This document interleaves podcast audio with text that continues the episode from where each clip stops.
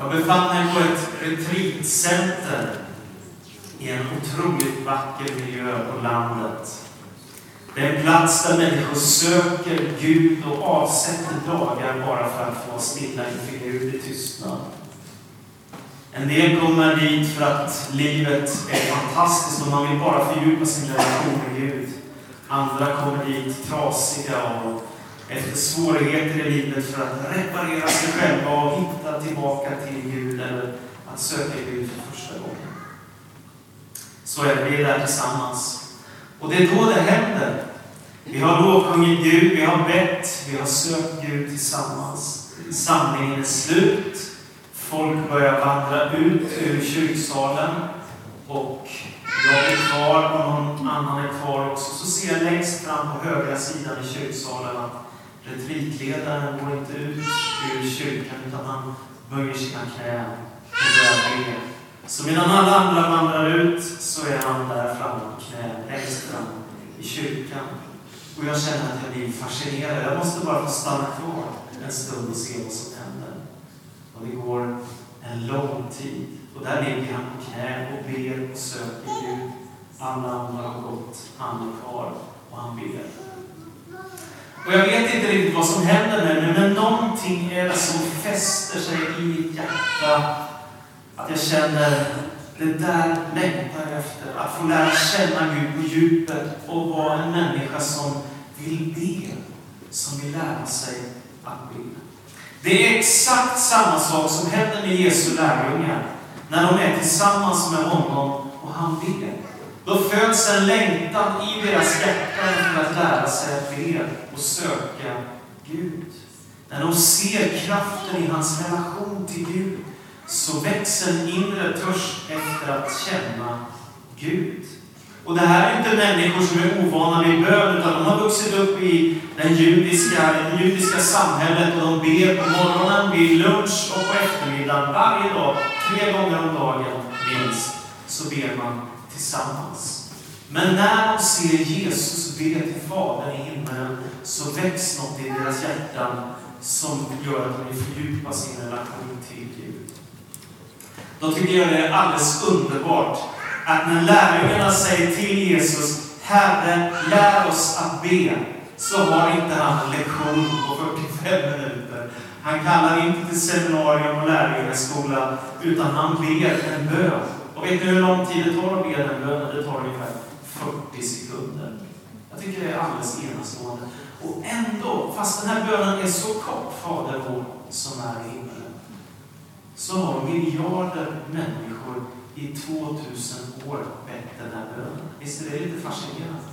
Människor över hela världen, i alla samfund och kyrkor, i alla världsdelar, i årtusenden har bett bönen Fader vår. Och jag tänker att det är en slags mönsterbön som Jesus ger, både för att man ska kunna upprepa vad han sa, men också för att man ska få lite hjälp in i bönens värld. Man kan ta en mening i taget. Vad är det kristen bön är för någonting? Och så radar man och så ber man utifrån en vers i taget. Det går alldeles utmärkt också. För att se vad är kristen bön. Så här säger Jesus i Matteus evangeliets sjätte kapitel från vers 5. Matteus kapitel 6, vers 5. När ni ber ska ni inte göra som hycklarna. De älskar att stå och be i synagogorna och i gathörnen för att människorna ska se dem.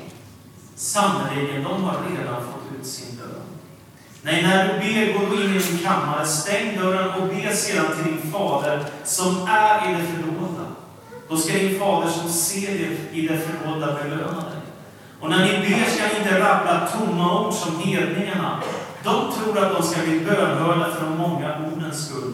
Gör inte som dem, ty er fader vet vad ni behöver redan innan ni har bett honom om det. Så ska ni be. Vår Fader, du som är i himlen. Låt ditt namn bli helgat. Låt ditt rike komma. Låt din vilja ske på jorden så som i himmelen. Ge oss idag vårt bröd för dagen som kommer. Och förlåt oss våra skulder liksom vi har förlåtit dem som står i skuld till oss. Och utsätt oss inte för prövning, utan rädda oss från det onda. Ty om ni förlåter människorna deras överträdelser ska er himmelske Fader också förlåta er. Men om ni inte förlåter människorna ska inte heller er fader. När ni fastar, ser ni inte dystra ut som hycklarna, som vanställer sitt utseende för att människorna ska se att man fastar. Sannerligen, de har redan fått ut sin lön. Nej, när du fastar, smörj in ditt hår och tvätta ditt ansikte så att, människorna, så att inte människorna ser att du fastar, utan bara din fader i det fördolda. Då ska din fader som ser det fördolda belöna dig. Det första Jesus gör när han undervisar om bön, det är att varna för missbruk av bön.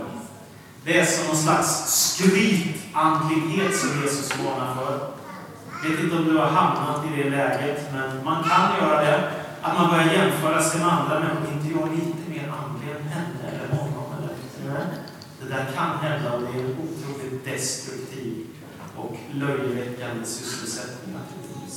Någonting annat det är att börja rabbla tomma ord att man pratar med Gud på ett respektlöst sätt och bara slänger ur sig det ena efter det andra. Jesus säger till och med en del tror att de ska få bönesvar bara för att de ber med många ord. Det är missbruk att tänka att man ska hålla på och ställa sig till inför Gud, göra till sig. Istället så uppmanar Jesus till hjärtats bön i det fördolda. Att söka Gud i närheten till honom hemma. För oss själva. Naturligtvis kan man be tillsammans också. Jag minns när jag började be. Jag hade fått en längtan, precis som Carol berättade, efter Gud. Och jag började be och jag trevade mig in i det här stora äventyret som det är att få kontakt med Gud och känna Guds närvaro för första gången. Och tårarna rinner och sådär, man blir berörd av Gud. Då bad jag bara korta böner. Jag kunde inte be några långa böner. Jag hade inte ord, det fanns inte en massa vackra fraser och tillägg, men hjärtats bön hade väckts i mitt innersta. För övrigt en liten parentes också. När jag började predika kunde jag inte predika längre än fem minuter. Sen hade jag inget mer att säga. Visst är det fantastiskt? Nu tar jag andra problem. När jag var ny i tron så mötte jag också vägledare. Det gör man ju som alltid. Människor som lever för Gud och människor som älskar Gud. Människor som predikar, människor som har bibelskolor, som skriver böcker, som har undervisning och alla möjliga saker. Och massa vänner som har synpunkter och åsikter. Och jag minns att jag, jag råkade ut för två saker. Det ena jag råkade ut för, det var fantastiska människor som var helt underbara och som var förälskade i Gud och sålda på Gud och var tagna av Gud älskade Jesus och bara ville bjuda in oss andra till samma gemenskap, att lära känna Gud och börja be till honom av hjärtats kärlek. Men så fanns det också en del dåliga exempel för mig personligen. Det vill säga ledare som bara gav en dåligt samvete, som bara tryckte till och som hela tiden sa du är inte andlig nog, du är inte tillräckligt bra, du ber inte tillräckligt mycket, du har inte... Det som underkänt hela tiden. Jag har en vän som är lärare och hon sa att hennes lärarkollega, han börjar varje läsår med att säga till sina skolelever, ni är underkända tills motsatsen är bevisad. Och ungefär samma tonläge tyckte jag att det var hos en del som var andliga ledare. Det handlade mest om tekniken, om effektivitet, om metoder, om hur länge man kunde be. Som att, om jag står här med klockan och du kollar här, nu har jag bett en timme, nu har jag bett två timmar, nu har jag bett tre timmar, nu har jag bett fyra. Förstår ni vad jag menar? Att det blir fel fokus. Istället för att älska Gud från djupet av mitt hjärta så söker man metoder, tekniker, någon slags, som om man kunde lura Gud som Carol sa förut. Jag tänker att bön är en kärleksrelation till Gud. Det handlar om att förlora sig själv i Jesus Kristus. Att bli tagen, fångad och börja älska honom av hela sitt hjärta. För tänk vilken ofattbar gåva det är att få stå i kontakt med universums skapare och Herre. Att få kontakt med honom som är hela vårt ursprung, den levande guden. Därför, när du ber, så innebär inte det bara att du ropar ut eller stilla talar inför himlen och hoppas att någon ska höra, utan det är kommunikation med himmelens och jordens skapare. Du kan nå närhet med Gud genom bönen. Och det är det som är det viktigaste av allt, vill jag säga. Gemenskapen med Gud, det är bönens allra viktigaste sak. I relationen med Gud kan man också finna sin bekräftelse och sin identitet. Det är fantastiskt. Om du vet att du är älskad av Gud, om du vet att du är ett Guds barn, om du vet att du är skapad till Guds likhet och Guds avbild för att han vill ditt liv, då behöver du inte springa omkring i världen och söka så förfärligt mycket bekräftelse av andra ska säga hela tiden du är bra, du är trevlig, du ser bra ut, du är duktig, du klarar ju det här. Utan du kan få en djup identitet i Gud och en stark bekräftelse i att du är älskad precis som du är av honom. Och så behöver du inte vara så otrygg och osäker och springa efter att få andras bekräftelse hela tiden. Den kan du få av Gud och du vet att du är älskad. Det som är fascinerande med bönen Fader vår också, det är också att den innehåller både det här oändligt stora och det lilla vardagliga. Allt ryms i Jesu bön. Tänk att han som har en plan för universum, som har ett rike som är evigt, också har en tanke med dig och ditt liv. Det är just det som bönen Fader vår säger. Jesus börjar också att, att säga något om gudsbilden. Och det första ordet han säger är Fader. Många människor kämpar med sin gudsbild. En del är rädda för Gud, en del är respektlösa inför Gud. Men man har sin kamp med bilden av Gud och Jesus ger ingångsorden Far. Det är hans ingång till bönen.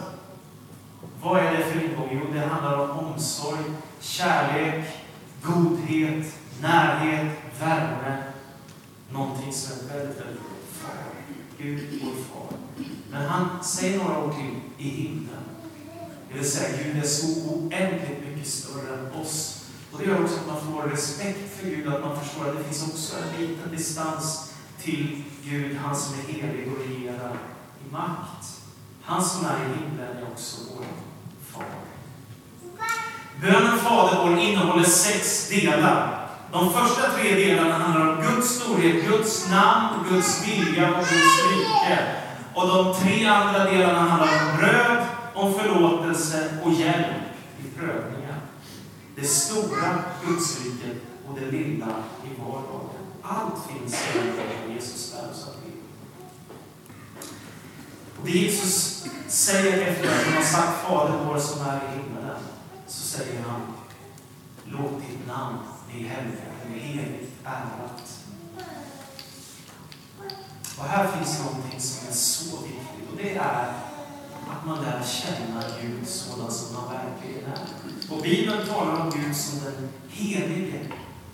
Och de judiska rabbinerna på Jesu tid, när de skulle skriva Guds namn, det allra heligaste namnet i Gamla Testamentet, Javé, så gjorde de alltid så att de slutade skriva och så gick de och tvättade sina händer. Och när de hade tvättat sig och renat sig, då kunde de skriva Guds namn. De hade sån respekt för att Gud är helig. Han är annorlunda än vad vi är. Han är ren och fullkomlig. Och därför hade de respekt för Guds namn. Den helige Gud får vi kalla för vår far. Men heligheten säger någonting om Guds väsen, om Guds person. Och tanken med den här bönen, det är ju det Jesus säger, hela världen finns till för att ära Gud. Allt har sitt ursprung i Gud. Vi existerar för att Gud har skapat oss. Vi finns till för att han uppehåller hela världen. Och när vårt liv går mot sitt slut så är han också där och tar emot oss. Allting i världen utgår från Gud, av det goda. Och det är därför vi ska be att hans rike ska komma. Det är därför vi ska be att hans vilja ska ske. Det är därför vi behöver be om bröd för den här dagen och Guds omsorg. Det är därför vi behöver förlåtelse. Det är därför vi, vi behöver hjälp i våra frestelser och prövningar för att Guds namn ska bli ärat, att hans namn ska helgas, bli heligt. Låt mig få berätta om Hilda. Hilda föddes i Costa Rica. En oerhört fattig familj som knappt hade några pengar överhuvudtaget. Hildas mamma blir desperat Och till sist så bestämmer hon sig för det ofattbara. Att sälja sin dotter till en bordell så att hon ska bli prostituerad och tjäna in pengar till familjen. Detta händer henne mitt i livet, hon som ung människa.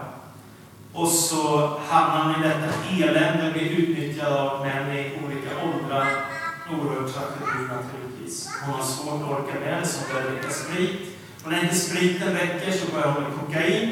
Och så är det droger och elände. Och hon blir gravid och hon föder ett barn. Hon blir gravid igen och föder ett barn till. Men hon kan inte ta hand om dem eftersom hon lever i en sån misär, ett sånt elände. En dag händer någonting fruktansvärt och det är att en av dem som ska ha sex med henne har en kniv med sig, ett basebollträ. Så mitt under den här, när det ska börja allt elände, så sätter han kniven i henne och han slår till henne med basebollträ. Så hon blir väldigt illa skadad. Hon hamnar på sjukhus och är liksom fara för livet. Och inte nog med det, när hon vaknar upp så funderar hon på att ta livet av sig eftersom hon inte orkar leva längre. Nu är det bara för mycket som har drabbat henne som har hänt. Men istället för att avsluta sitt liv så kryper hon ner på sina knän bredvid sin sjukhussäng, svårt skadad. Där ligger hon på golvet och så ber hon till Gud. Och medan hon ber till Gud så får hon en syn ifrån himlen. Och det står ett namn. Och det namnet är på en stiftelse som hjälper människor som har det svårt. Hon har inte hört talas om den förut. Men hon ber en sjuksköterska att kolla upp telefonnumret till det här namnet. Hon får det i synen. Och så hittar hon det och så börjar, så börjar hon ge sig av om telefonen och så ringer hon. Och så säger hon, Herre, om du verkligen finns så gör att någon svarar i telefon. Och då svarar föreståndaren i telefon och Hilda säger, jag behöver hjälp. Jag dör snart, jag står inte ut längre. Då svarar Klara, som är föreståndare på hemmet. Gud älskar dig. Han kommer inte att överge dig. Vi ska hjälpa dig. Några dagar senare kommer Rahab till sjukhuset för att träffa Hilda. Och hon har piggat på sig lite igen i bättre form, så hon tar med sig henne ifrån sjukhuset till hemmet som hon driver. Och när man kommer fram så säger hon till Hilda, här kan du vara trygg. Här kan du få vila ut. Hilda får ett bönesvar.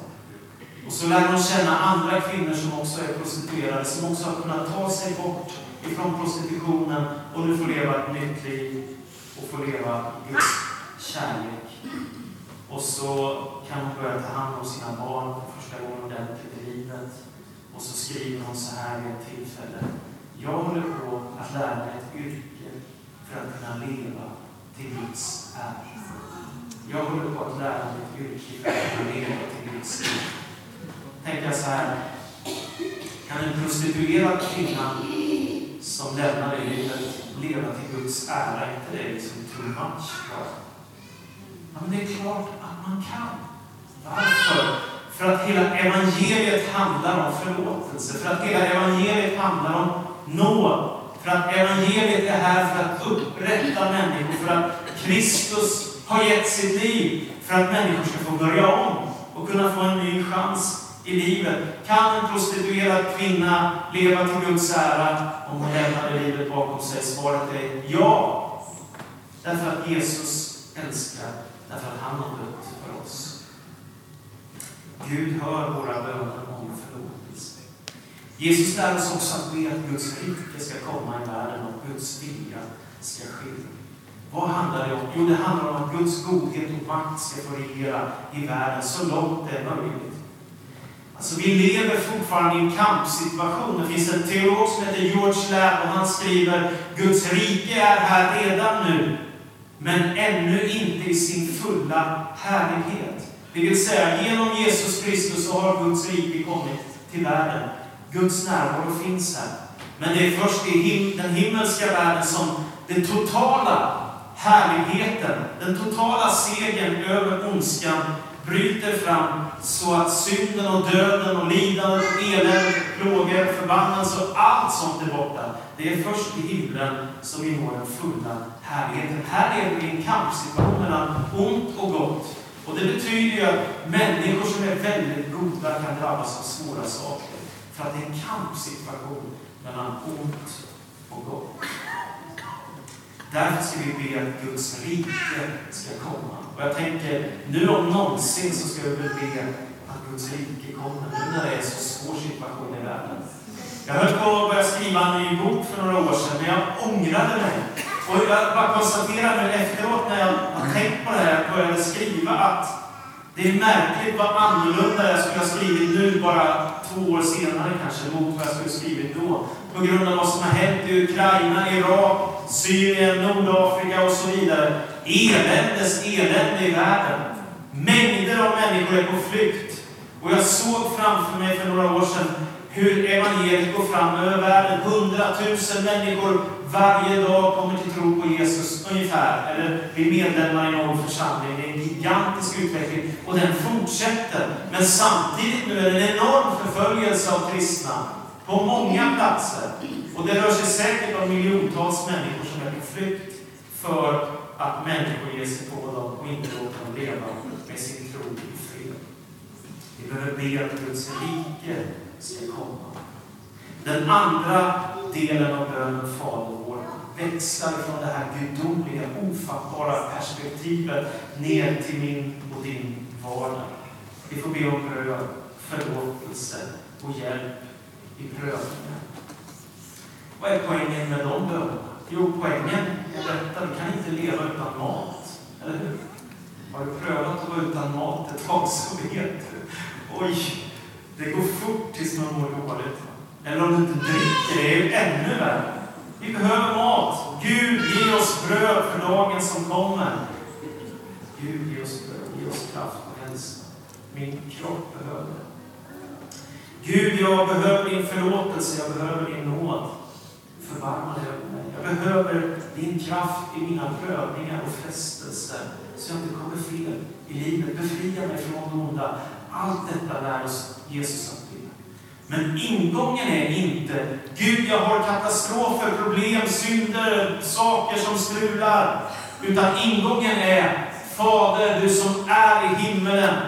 Du som har ett heligt namn, du som har ett rike som är evigt. Vi vill att din vilja ska ske och jag behöver hjälp. Bröd för dagen, förlåtelse och hjälp i mina prövningar och mina frestelser.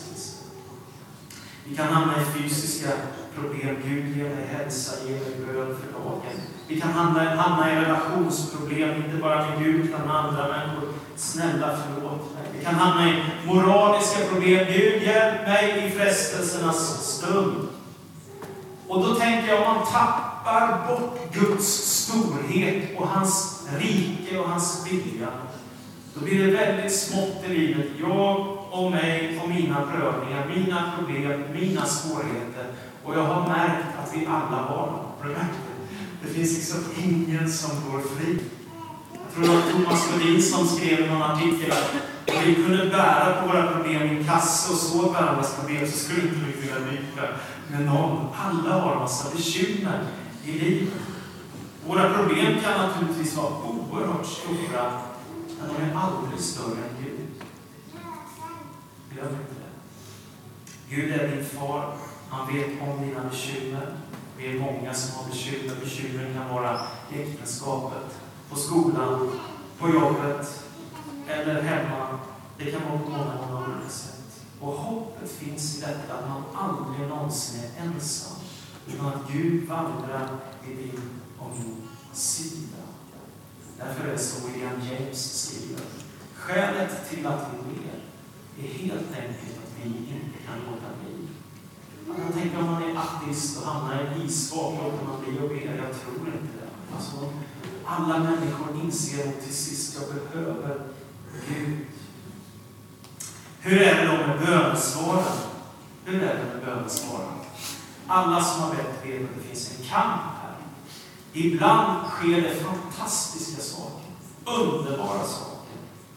Ibland känns det som himlen är stängd. Har ni varit med om det? Alltså ibland så är det som att nu händer det något. Jag fick bönesvar.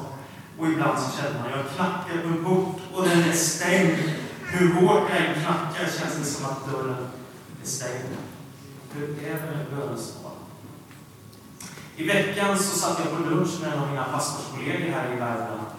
Han berättade för mig, om gudstjänst. En, en gudstjänst som, det var lovsång och bön och så sa pastorn i slutet på mötet bara att i den här atmosfären av lovsång och bön så sök Guds närvaro och hans helande kraft. Ungefär så enkelt.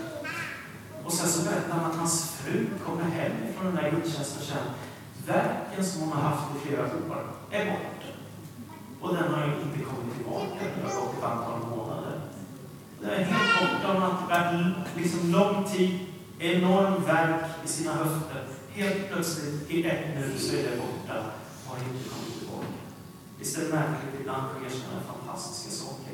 Jag kommer aldrig glömma dagen när en man kom till kyrkan och han hade drogats så förtvivlat mycket under lång tid så att han hade börjat höra röster och kände att jag håller på att bli tokig. Nu får ni be för mig. Och det var flera stycken som samlades för att be för den här mannen. Och så när vi sa i Jesu Kristi namn, gör honom.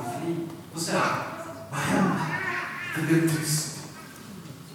Märkligt va? I ett vad hände? Det blev tyst. Och rösterna han plågades av försvann. Det är fantastiskt att få sådana här bönesvar. Man skulle önska att det hände oftare. Jag har också stått och bett som jag tror att alla ni, eller i alla fall de flesta av er, har bett för någon. Och så känner man, Gud, varför händer inte det som vi ber? Varför har vi inte fått det svar som vi önskar? Och vad beror det på? Hur kan vi förklara detta? Goda människor ska behöva lida. Människor som är kärleksfulla drabbas av hemskheter. Men varför blir inte alla sjuka friska när vi har Gud? Och jag har ett ärligt svar. Jag vet inte. Jag har ingen aning. Naturligtvis finns det tillfällen när det skulle bli fel om vi fick de svar vi ville. Tänk om Jesus hade fått bönesvar i Getsemane. Han ber, Herre, om det är möjligt, låt denna vägar gå förbi, förbi mig. Och det betyder, Jesus, eller Gud, om, om du kan så låt mig slippa korset och lidandet. Tänk om Gud hade svarat på hans bön. Vad hade hänt med oss då? Eller jag tänker på Paulus när han ber, Gud ta bort den där taggen som gör mig så illa i mitt liv. Och så svarar Gud, min nåd är allt du behöver. Vad är det för svar? Man liksom, blir liksom av med problemen. Nej, min nåd är allt du behöver, svarar Gud.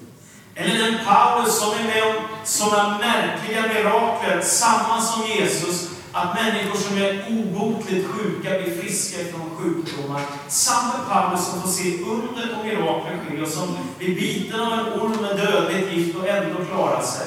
Samma Paulus skriver i Andra Timoteusbrevet att jag fick lämna Triomfos sjuk i Miletus. Varför är det så? Varför är det så? Vi förstår inte allt, men vi lever i en trasig värld. Gud har skapat världen god och han vill det bästa för oss alla. Och i evigheten kommer den totala upprättelsen för alla människor som söker sig till Gud. Men här i världen lever vi i en kampsituation mellan gott och ont. Mellan liv och död, ljus och mörker. Det är kontraster. Här finns vi under vårt korta liv. Därför finns det många frågor som inte har något svar. Och det blir ju liksom fel. Har du märkt det när man börjar försöka svara på frågorna varför man drabbas av svårigheter? Det blir bara fel. Det är bättre att be eller vara tyst. Det är ett bra tips också. Det är jobbigt när folk börjar förklara varför man mår dåligt eller varför eller frisk eller varför man Det blir väldigt jobbigt. Be för honom istället krama om. Säg något kärleksfullt. Till sist. I fredags kväll så visade Sveriges Television en dokumentär om eh, en man som heter Doc Seegers. Och programmet heter Efter Jeans veranda. Om du inte har sett det så måste du se det. Fantastiskt program. Det finns på SVT Play. Så har du en dator kan du klicka på FBLs veranda och titta på Dog Seegers. Dog Seegers är en kille, en man som har varit hemlös i många år. Han hade ett ganska bra liv och han spelade musik och kände flera av de stora kändisarna i USA. Men sen så händer det som kan hända människor. Han börjar droga, han börjar dricka. Och till sist så säger hans fru till honom, nu får du välja. Antingen så tar du mig och barnen eller också får du ta drogerna och är ut ur huset. Och ofattbart nog så lägger han drogerna och går ut ur huset. Han eh, börjar leva på gatan, han börjar leva som hemlös. Han lever tillsammans med prostituerade och det är ett liv som är naturligtvis ganska mörkt och svårt på många, många sätt. Han lever hemlös under lång tid. En dag sitter han med sin gitarr och sjunger på gatan utomhus. Och då kommer Jill Johnson, en svensk sångerska som är på resa i USA. Och när hon kommer dit så får hon höra att han sjunger en sång som han har skrivit som heter Going down to the river. Och hon inser att han är så duktig, den här killen, att vi bara måste göra en skiva med honom. Så duktig är han. Kanske är 60-årsåldern någonstans, om jag gissar. Och så gör man det. Man spelar in en skiva med Doug Seegers och han sjunger in sina sånger. Och sen så den här sången som han satt med halvtrasig gitarr på gatan och sjöng. Helt plötsligt är den överst på listorna på Spotify, överst på listorna på, eh, vad heter det, iTunes. Och sen så blir det en lång turné i Sverige. Genom hela landet under flera månaders tid. Och sen så när han ska gå in på scenen, det är en scen som är så stark. För första gången han ska ha konsert i Sverige, det är en riktig rysare. Han inser att nu är jag som har hemlös, nu kommer folk få lyssna på mig när jag ska sjunga. Och då säger han två ord som inte går med tårar i ögonen. Han säger Tack Jesus. Och sen går han in och sjunger och spelar och människor blir glada och lyckliga och får höra en fantastisk livsberättelse hur han som körde sönder sitt liv och blev hemlös helt plötsligt blir en världsberömd artist som reser och sjunger om livet. Och han har någon slags tro i sitt liv. Han säger det är Gud också som har hjälpt mig ut ur den. Död. Död. Tack Jesus. Det är något så oerhört starkt. Och jag tänker vad ofattbart fattigt livet blir om man inte ber. Om man inte ropar till honom som är vårt ursprung. Ditt är riket. Din är makten och är i evighet. Jesus, jag ber dig från djupet av ditt hjärta för var och en av oss att vi skulle få vara människor som söker dig, som ber till dig, som ropar till dig. Tack för hoppet du har gett oss. Att du är med oss alla dagar in till tidens slut. Jag tackar dig för bönesvar som vi har sett. Och ibland står vi också där, Herre, undrande och funderar på varför sker det inte som vi längtar efter? Varför har det inte hänt? Och vi får inte svar på alla våra frågor, men du är hos oss, du är med oss. Och vi kan också få bli utmanade av dig att be igenom det här, att vara uthålliga i vår bön.